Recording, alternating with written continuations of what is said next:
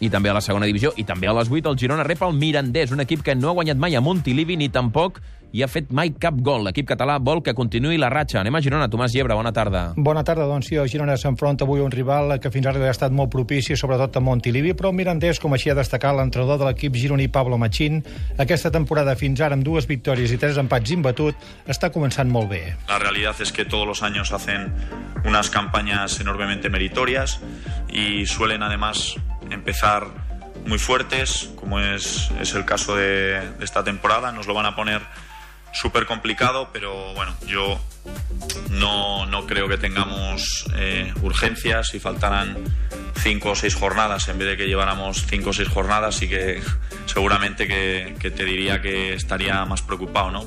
Però per les primeres crítiques, Pablo Machín sap que és imprescindible la victòria en el partit d'avui. Catalunya Ràdio, la ràdio nacional de Catalunya. I en bàsquet, a l'Uni Girona davant la primera competició oficial del nou curs pel seu equip, el de l'Spark City Lift de Girona, la final de la Lliga Catalana aquest diumenge al migdia a la pista de Catí la Seu. Aquestes són les expectatives i objectius de competició i de temporada que ha definit el director esportiu Pere Puig. El primer repte doncs, és la Lliga Catalana, després de l'any passat que no la vam guanyar i que portàvem cinc títols seguits, doncs ens faria il·lusió doncs, començar guanyant aquesta competició.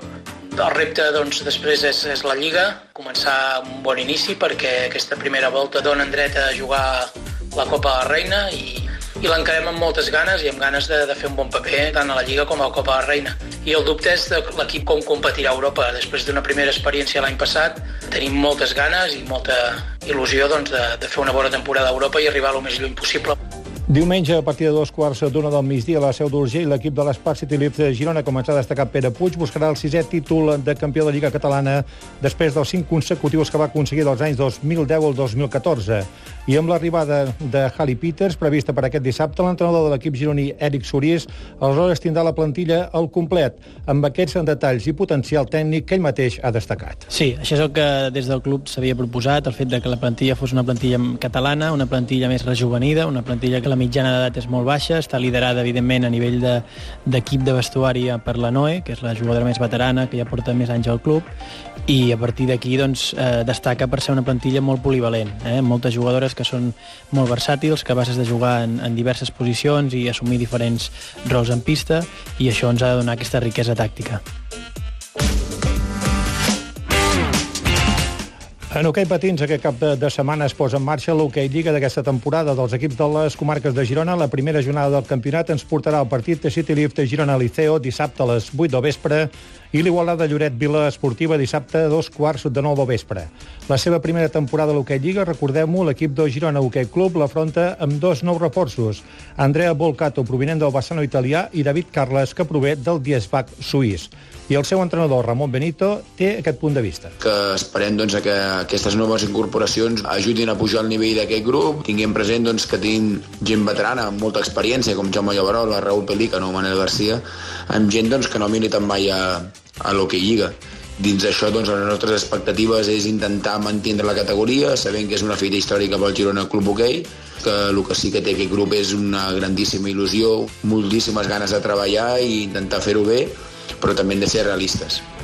Com el City Lift de Girona, tampoc a l'equip de Lloret Vila Esportiva no es volen plantejar públicament cap més objectiu que no sigui estrictament el de la permanència. En el seu cas, s'ha pogut mantenir a l'Hockey Lliga per la compra de drets del Cerceda després que l'havia perduda pels seus resultats, en recordem-ho, de la temporada passada.